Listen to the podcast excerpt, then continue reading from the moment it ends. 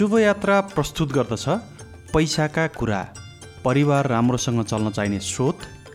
त्यसको सही व्यवस्थापन। खर्च र बचतका कुरा। समग्र रूपमा पैसाका कुरा। नमस्कार। मेरो नाम मधु आचार्य हो। अघिल्लो पैसाका कुरा कार्यक्रममा हामीले आवश्यकता र चाहनाका बारेमा कुरा गरेका थियौँ। आज यो कार्यक्रममा चाहिँ हामीले लोभ के हो? र आफ्नो आवश्यकता अनुसार खर्च सीमित ढङ्गले गर्ने व्यक्तिलाई किन लोभी भन्दा रहेछन् भन्ने बारेमा केन्द्रित छौँ। कार्यक्रममा हामीले आज तिनजना व्यक्तिसँग कुराकानी गरेका छौँ र उहाँका कथाहरूलाई समेटेका छौँ। सबैजनाको आफ्नै किसिमको पहिचान छ र त्यसै अनुसार दायित्व पनि फरक फरक छन्। सबैभन्दा पहिला आउनुहोस् कुरा गरौँ छविलाल शर्मासँग।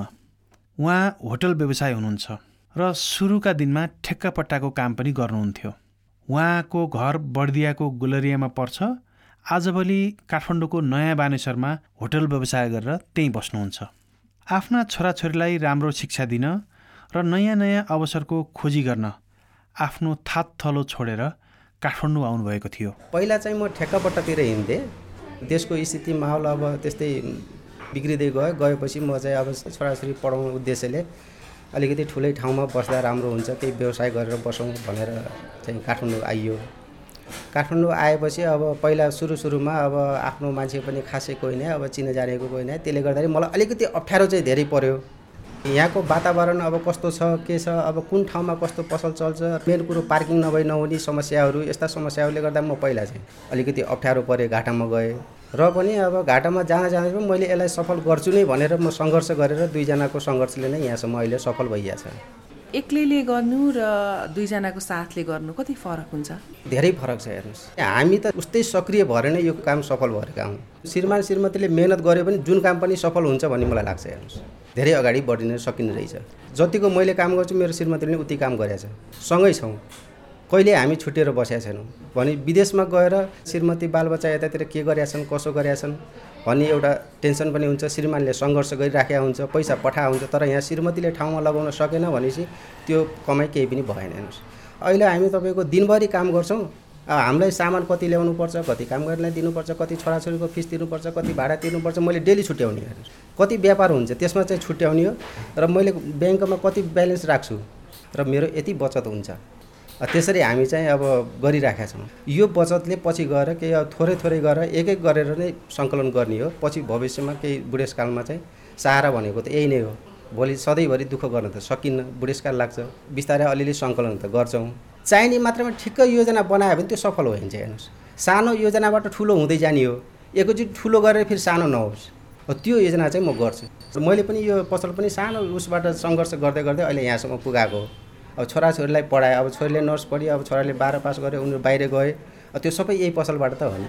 तपाईँहरूले यही पसलबाट आफ्नो छोराछोरी पढाएर अनि बाहिर पठाउनु भयो त्यो कसरी सम्भव गर्नुभयो त? छोराछोरी पहिला साना थिए। उनीहरूलाई पढाइ खर्च मात्रै लाग्थ्यो। नानीको अब तपाईँको नर्स पुरा भइसकेपछि हाम्रो योजना के हुन्छ छोरी अब बढ्यो। अब यसलाई भोलि त्यस्तै भने जस्तो पाएपछि बिहा गर्नुपर्छ। बिहा गर्नलाई पैसा सङ्कलन गर्नुपर्छ। भनेर त्यस्ता कुराहरू त छोराछोरी बढ्दै गयो भने त्यो आफू अटोमेटिक आउँदो रहेछ हेर्नुहोस्। त्यो हुनाले अलिअलि सङ्कलन गरिरहेको थियो झ्याप्प अनि भने जस्तो भयो बिहा गर्यो पठाइयो। छोराछोरीको बिहेको लागि भनेर पनि अलग रकम छुट्याउनु भएको थियो। छुट्याउनु पर्छ मैले दैनिक तपाईँको पसल सुरुवात गरेदेखि वर्तन एउटा काम नगरेर हुन्छ कि के हुन्छ दिनमा सय रुपियाँ दुई सय रुपियाँ यो चाहिँ भविष्यको लागि भनेर मैले छुट्याउँथेँ। मेरो भनाइ के भनेपछि लोभले लाभ होस् लोभले लाभ गऱ्यो भने त्यो चाहिँ भयो। लास्टमा बिलाप भयो भने त्यो राम्रो भएन। लोभले लाभ मात्रै गरेँ मैले। किनभने लोभ गरेँ भनेपछि दुई सय रुपियाँ दिनमा हाल्यो भने त्यो पछि गएर एकमुष्ट आउँदाखेरि छोरीको बिहा गर्दाखेरि त्यो त लाभ भयो नि। बिलाप भएन नि। त्यही भएर लोभले लाभ होस् तर बिलाप नहोस् मेरो मान्यता यो छ। नेपालमा दुःख गऱ्यो भनेपछि सायद काम गर्न हिचकिच गर्छन् अब विदेशतिर गएपछि जे पनि गर्ने। नेपालमा आएर एउटा होटल गरे पनि मलाई पनि भने नि काठमाडौँमा गएर होटल गरेर बसिया छ भन्ने पनि मान्छे थिएँ। तर मैले यो व्यवसाय छोडेन। किनभनेपछि मलाई यसैबाट ठिक छ। मैले जानेको बुझेको म सबै आफै गर्छु बनाउनेदेखि लिएर कुक सबै आफै गर्छु भनेपछि म जसरी पनि सफल हुन्छु। कौवाले कान लग्यो भने आफ्नो कान छाम्ने के कौवा कता चाहिँ दौड्ने त्यो त भएन नि। तर काम त गर्नु पऱ्यो नि। नत्र सफलै भएन। तपाईँले जसरी गर्नुभयो त्यो प्रकारले सही व्यवस्थापन गर्ने व्यक्तिलाई हाम्रो समाजमा लोभी भनिन्छ नि। त्यसमा तपाईँको भनाइ के छ त? लोभ गर्ने ठाउँमा लोभ पनि गर्नुपर्छ होइन? जस्तो उदाहरणको लागि पाँच हजार रुपियाँ दिनमा मेरो आम्दानी भयो भने चाहिँ हजार रुपियाँ त खर्च गर्नुपर्छ त्यसलाई लोभ भनिनँ। अब पाँच हजार रुपियाँ कमाएर हजार रुपियाँ बचत गरेँ चार हजार रुपियाँ उडाएपछि त्यसलाई चाहिँ उ गर्ने त त्यस्तो गर्न त भएन। लोभ त गर्नु पऱ्यो लोभ नगरेर हुँदैन। चाहिने मात्रामा लोभ पनि गर्नुपर्छ। तपाईँले त्यस्तो कुराको कहिले सामना गर्नु पर्यो? त्यस्तो कुराको सामना अब गर्नु त पऱ्यो होला नि। जीवनमा त्यस्ता घटनाहरू धेरै हुन्छन् होइन? लोभ नगरेर हुँदैन। अब लोभ नगरेर जति कमाछु त्यति उडाउँछु भनेर पनि भएन। त्यो कहिले माथि लाग्ने कुरो त्यसको लागि अलिकति लोभ त गर्नै पऱ्यो लोभी भन्नेले त भने हुनन्। तर लोभ भन्नाले कस्तो भनेपछि अब सबैसँगै साथीभाइहरू बसेर खाँदा अब जाँड रक्सी खाए उ गऱ्यो भनेपछि म त्यसमा चाहिँ सहमति हुँदैन। किनभने म जाँड रक्सी पनि खाँदैन मलाई त्यसमा पनि मन पर्छ तिमीहरू खाऊ गर। भनेपछि अब त्यस्तैले मलाई चाहिँ लोभी भने हुनन्। किन अब यस्तो कमाउने मात्रै गर्छ खालि उ गरेर खर्च गर्दैन यो लोभी त भइगयो भन्ने भने हुनन्। नत्र भने मैले गरेको सङ्घर्ष र मैले गरेका दुःख र ऊ बुझ्ने मान्छेले सायद मलाई लोभी भन्दैन होला। तपाईँलाई के लाग्छ? त्यस्तो व्यक्तिहरूलाई चाहिँ लोभी भन्नुहुन्छ कि हुँदैन? हुँदैन जस्तो लाग्छ मलाई। किनभने चाहिँ उसले आफ्नो अब आफ्नो दुःख पीडाहरू उसलाई थाहा हुन्छ उनीहरूलाई थाहा हुन नि। छोराछोरी पढाउनु छ त्यो सोच्नु पऱ्यो दुईजना भाइहरू छन् तिनलाई दिनु पऱ्यो अनि घर भाडा दिनु पऱ्यो त्यो त मैले सबै बुझिराखेको हुन्छु। उनलाई त्यो समस्या छैन नि। उनीहरू त खाने उडाउने हुन्। उनले जाँड रसी खान मजाले पाएन हामी त्यस्तो गर्न सक्छौँ सक्दैनौँ नि। हाम्रो त बालबच्चा छन्। सबै कुरो सोच्नुपर्छ। त्यसले गर्दा मैले अब त्यस्तोमा म सहमति हुँदैन। अनि मलाई लोभी भन्ने मान्छे त्यस्तै हुन्छ।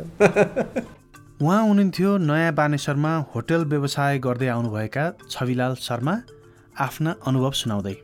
मलाई उहाँको थोरै भए पनि बचत गर्ने बानीले असाध्यै मन छोयो।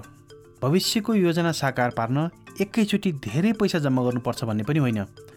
थोरै थोरै रकम मात्र भए पनि बचत गर्ने अठोट भए पुग्ने रहेछ भन्ने सन्देश उहाँको कथाले दिन्छ। मलाई जस्तै तपाईँलाई पनि उहाँको दैनिक बचत गर्ने बानी पक्कै राम्रो लाग्यो होला भन्ने आश छ।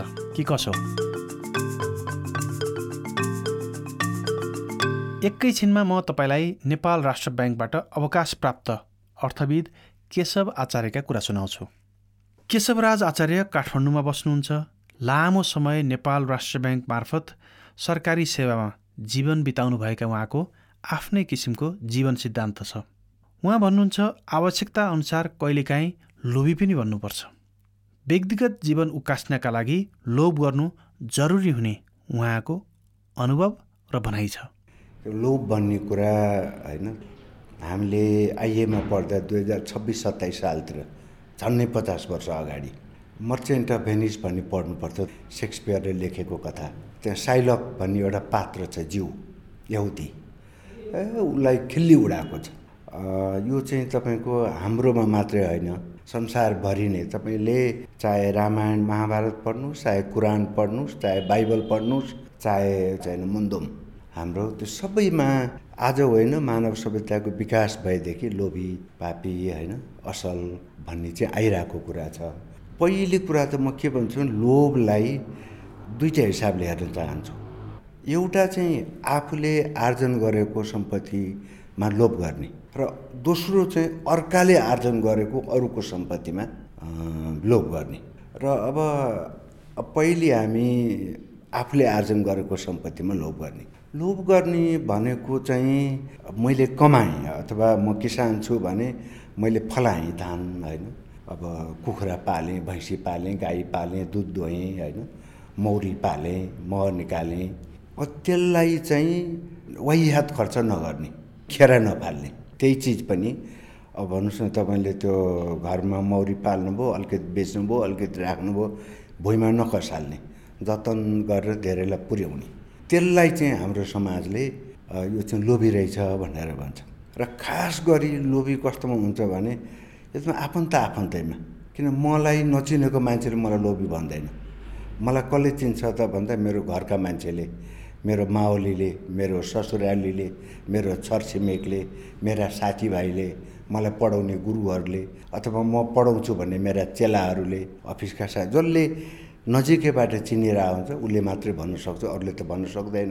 अनि यसमा यो भित्र एउटा सामाजिक मनोविज्ञान हाम्रो के भइदियो भने हामी धेरै वर्षसम्म यता गरिबीको अवस्थाबाट आएर हो कि के हो पनि कसले चाहिँ यो लोभी रहेछ भनेर भन्छ भने मेरो अनुभवमा है प्राय। त्यो अर्काको खान पाएन भनेको मैले कमाएँ। होइन मसँग अलिकति छ जतन गरेर राखेँ उनीहरूले। अब मैले पहिले होइन आफ्नो मलाई भोलि छोराछोरीको फी तिर्नु पर्ला। अब दसैँ आउँछ दसैँमा खसी किन्नुपर्छ अहिले उडाएँ भने मसँग त्यो हुँदैन भनेर मैले जतन गरेर राखेँ। अब उसले चाहिँ मसँग खान पाएन। भने यो के सब यो लोभी पापी यो? जति भए पनि नपनि मरेर के लान्छ यसले? एउटा व्यक्तिभन्दा पनि यो समाजबाटै आएको हो। र यो यसले के देखाउँछ भने हामीहरूसँग यो त अहिले आयो होइन। मेरो बुवाको पालीमा थियो यो मेरो हजुरबाको पालीमा जिजुबाको पालीमा होइन। समाजमा अब साथीभाइमा त्यो बरालाहरू होइन अलिकति गैर जिम्मेवारहरूले एउटा जिम्मेवार भएर आफ्नो जुन घर व्यवहार पैसाको व्यवस्थापन गर्छ त्यसलाई लगाउने चाहिँ यो आक्षेप हो। तर यसमा पनि म के थप्न चाहन्छु भने लोभी तपाईँले त्यो बचाउनुपर्छ भन्दैमा बिरामी हुनुभयो तपाईँ। मेरै एउटा नजिकैको भाइ पर्ने त्यो बिचरा मऱ्यो त्यो। उसका दुईवटा छोराहरू अब बिहा गर्ने बेला लाठे भइसके बाह्र तेह्र वर्ष जति भयो। उसको मुटुको तिनवटा भल गइसकेछ। उसलाई एकदम दुख्ने। अतिसक्यो अनि घरबाट पर गएर रोएर खप्दो रहेछ। उपचार गर्न उसले चाहेन किनभने धेरै खर्च लाग्छ। अब म मरेपछि मेरो श्रीमतीले के खाने? छोराछोरीले के खाने? त्यो बिचरा मर्ने बेलामा पनि त्यसको गङ्गालालमा मैले आफैले लगेर त्यो अपरेसन गर्ने बेलामा मैले लिएर गएको। लुकायो भन्दै भन्दैन। आखिरमा त्यो अपरेसन थिएटरबाट फर्केन त्यो गयो। र उसले गर्न खोजेको चार पाँच लाख पाँच सात लाख कति खर्च हो कति लाग्ने त्यो बचाउनु खोजेको। हो त्यो लोभ चाहिँ खराब हो। तपाईँले कमाएको धन सम्पत्ति भनेको साध्य तपाईँको स्वास्थ्य परिवारको कल्याण होइन? समाजको कल्याण मुलुककै कल्याण त्यो कल्याणलाई कसरी हामीले बढाउन सक्छौँ भनेर उपयोग गर्ने साधन हो यो पैसा। त्यसको मतलब चाहिँ पैसाको सही व्यवस्थापन गर्ने होइन? त्यस्तो व्यक्तिलाई लोभी भन्नु चाहिँ त्यो आक्षेप चाहिँ ठिक हो? बेठिक हो त्यो। आफ्नो व्यवस्थापन होइन? कसैको भर नपरिकन र एकदम आवश्यकतालाई वर्गीकरण गर्ने। सबभन्दा पहिले नब्बे नहुने भन्छन् यो रोटी कपडा और मकान भने जस्तो। त्यो क्रमले ल जानुभयो भने कसैले लोभी भन्छ भने पनि त्यो लोभी भन्ने मान्छे चाहिँ खराब हो। त्यस्तो गर्ने मान्छेलाई कसैले लोभी भन्छ भने जसले आक्षेप लगायो त्यो मान्छे असामाजिक हो। भर्खर तपाईँले केशव आचार्यका कुरा सुन्नुभयो। उहाँका अनुसार यदि कुनै व्यक्तिले कसैलाई आफ्नो घर परिवार राम्रोसँग चलाइराखेकाले लोभीको संज्ञा दिन्छ भने त्यो भन्ने व्यक्तिमा समस्या हो भन्नुहुन्छ। उहाँलाई लोभी भन्दा पनि समस्या छैन रे। अब भेटौँ व्यङ्ग्यकार कृष्ण मुरारी गौतमलाई। चट्याङ मास्टर उपनामले चिनिनुहुने गौतमका कुरा सुन्नु अघि म तपाईँलाई एउटा कुरा भनिहाल्छु। तपाईँले आफ्नो स्मार्टफोनमा शुभयात्रा मोबाइल एप डाउनलोड गर्नुभएको छ। यो एप वैदेशिक रोजगारीलाई सरल र सुरक्षित बनाउन सहयोग गर्ने मोबाइल एप्लिकेसन हो।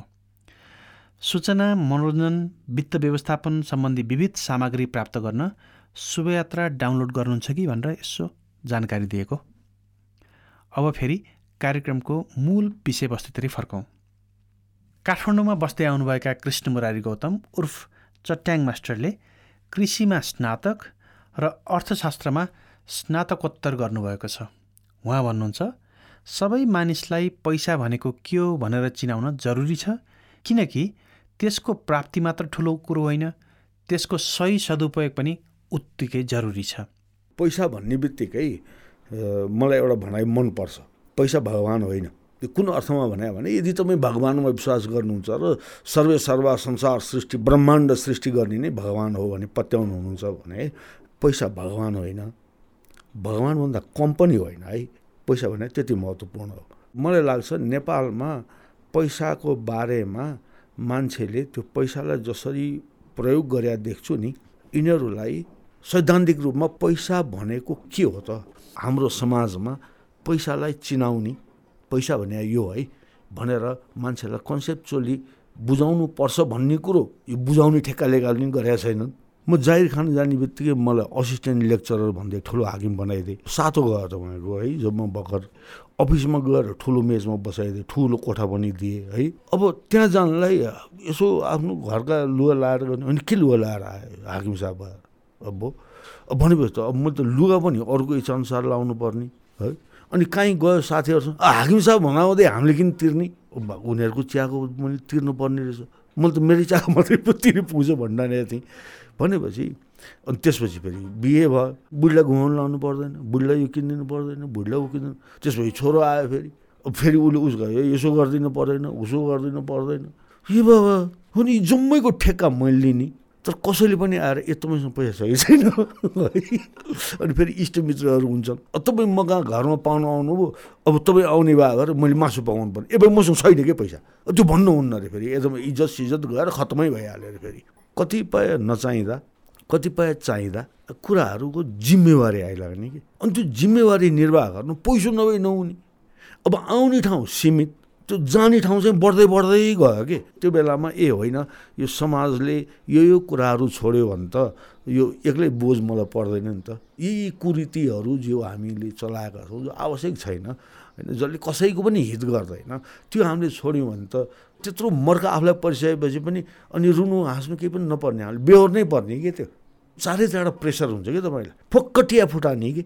जुन कि आवश्यकभन्दा बढी। साथीहरूले फेरि अब प्रमोसन भयो। अब तलब बढ्छ सय रुपियाँ। भोजखाउने होइन सर भन्छ। है अब खुवाउनै पऱ्यो फेरि। अब खुवाउनु पऱ्यो अब ठुल्ठुलो होटलमा लानु पऱ्यो अनावश्यक प्रेसर दिने र लिनेले पनि लिने फेरि। के अरे मुटुमाथि ढुङ्गा राखी हाँस्नु परेको छ भने जस्तो गरेर होइन?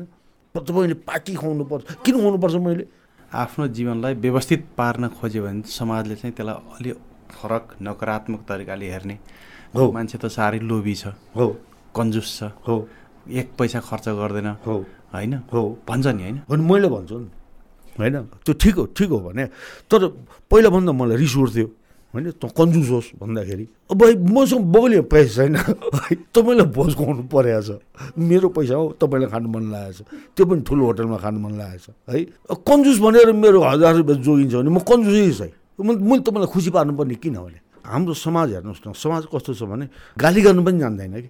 तपाईँलाई कन्जुस भने त ओहो तपाईँ त बडो राम्रोसँग फाइनेन्सियल म्यानेजमेन्ट गर्नु हुँदो रहेछ होइन? तपाईँ त ज्ञानी हुँदो रहेछ पैसाको व्यवस्थापन गर्नु हुँदो रहेछ आफूले कमाएको पैसा जथा खर्च गर्नु हुँदो रहेछ त्यो त प्रशंसा हो नि भने। लोभी कन्जुस भन्ने पहिलो पटक चाहिँ कहाँ सुन्नुभयो तपाईँले तपाईँलाई भनेको चाहिँ? सम्झना छ? धेरैचोटि धेरैले भने जब म त्यस्तो सामाजिक चेपुवामा परेँ नि पैसा खर्च गर्नु आफ्नो पैसा जान्छ। आफ्नै आवश्यकता पूर्ति भएको छैन। उसलाई खुवाउँ भने। नखुवाउँ भने ऊ कन्जुस भन्छ। भनिरहेको नि अब त्यो रमाइलो त लाग्दैन नि यार। नेपाली समाजमा कन्जुस भने अझै पनि गाली गरेकै भन्ठानिन्छ कि। अब गाली गरेर मन पर्दैन। अनि त्यहाँबाट यसो सोच्नाले हो नि के हो यो गाली खानु ठिक हो कि? जसले गाली गर्यो त्यसलाई गएर पिट्नु ठिक हो कि? होइन? के हो भने सोध्दै जाँदाखेरि जसले मलाई त्यो गाली गर्यो त्यो मान्छे चाहिँ बेठिक मैले त्यसको प्रेसर लिनु केही जरुरी छैन कि? अनि मैले के हो त पैसा? अब अलिकति कल्पना पनि गरियो। अलिकति साहित्य साहित्यकारहरूले त्यो सम्पत्तिमा लेखेको चिजहरू पनि पढियो। र सारांशमा मैले चाहिँ बुझेको चाहिँ नि के हो भनेदेखि पैसा भने पावर हो। जुन अर्थमा नेपालीहरूले कन्जुस भन्छ नि त्यो भने मतलब त म तपाईँलाई एउटा उदाहरण दिन्छु है। खिचा पोखरी भन्छ के अरे एउटा ठुलो कपडा पसल रहेछ त्यसलाई हलखोरीको पसल भन्दा जमानै भइसकेको थिएँ। अनि म त्यहाँ लुगा किन्न गएको हलखोरी कहाँ के त लुगा किन्न गयो भने चाहिँ नि त्यो ठुलो हो कि? उयो आजकल पनि डिपार्टमेन्ट स्टोरमा किने अथवा भाटभटिनीमा किने भनेपछि सागकै मुठो किनोस् होइन? त्यहाँ पनि सागको मुठो पाइन्छ फुटपाथमा पनि पाइन्छ। तर धाक लाउँछ कि? मैले त यो त भन्नुभयो भाटभटिनीमा किने। त्यो सामाजिक एउटा मान्यता के थियो भने हलखोरी कहाँ गएर किनेको कपडा चाहिँ राम्रो हुन्छ।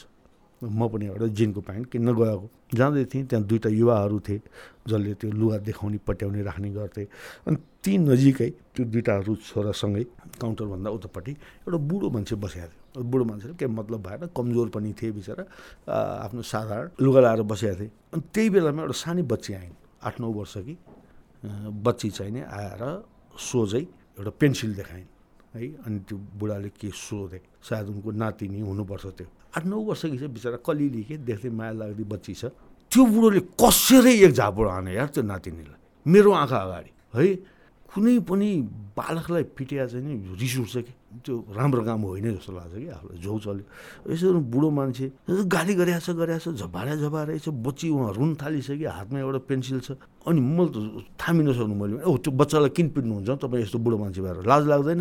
के गाली गरिरहेको थियो बच्चालाई? अनि त्यो बुढोले मतिर हेरेर जे भन्यो नि सर मेरो जिन्दगीमा मैले त्योभन्दा ठुलो लेसन मैले केही पनि पाइनँ कि। त्यो किन हलखोरी अब सायद त्यो हलखोरी भने त्यही बुढो मान्छे हुनुपर्छ भने जस्तो मलाई लाग्यो। उहाँले के भन्दा भने होइन हजुर मेरो नातिनी मलाई माया लाग्छ। अब यो एउटा पेन्सिल उसले एक रुपियाँमा खर्च गरेर ल्यायो। मलाई भनेको भए त दस रुपियाँमा म प्याकेट किनिदिन्थेँ हजुर। त्यसमा दर्जन आउँछ दुईवटा पेन्सिल बढी आउँछ। म त लल्याक लुलु गुल्याक गुलुक भएँ कि। कुरो एक रुपियाँको होइन। तर के भने यसले दुई रुपियाँ जोगाउन सक्थ्यो नि त। मलाई भनिदिए भए म एक दर्जन किनेर ल्याइदिन्थेँ। दुईवटा त जोगिन्थ्यो। कसले भन्दैछ यो? जो करोडौँको माग धनी भनेर सेट भनेर चिनिएको मान्छेले। मेरो आँखा अगाडि। म मकै प्यान्ट लाउला भनेर गएको थिएँ। दिमाग चक्कर आयो भन्नु। त्यसमा लुगा माउ पनि हुन्थ्यो कि। यहाँ नकिनु हौ प्यान्टै हो। प्यान्ट नलाउने हो। छि भन्ने नभए त भइहाल्यो नि। कि मैले पनि अब दस बाह्र दर्जन एकैचोटि सिदिउँ कपडा सस्तो देला। कन्सेसन होला होइन?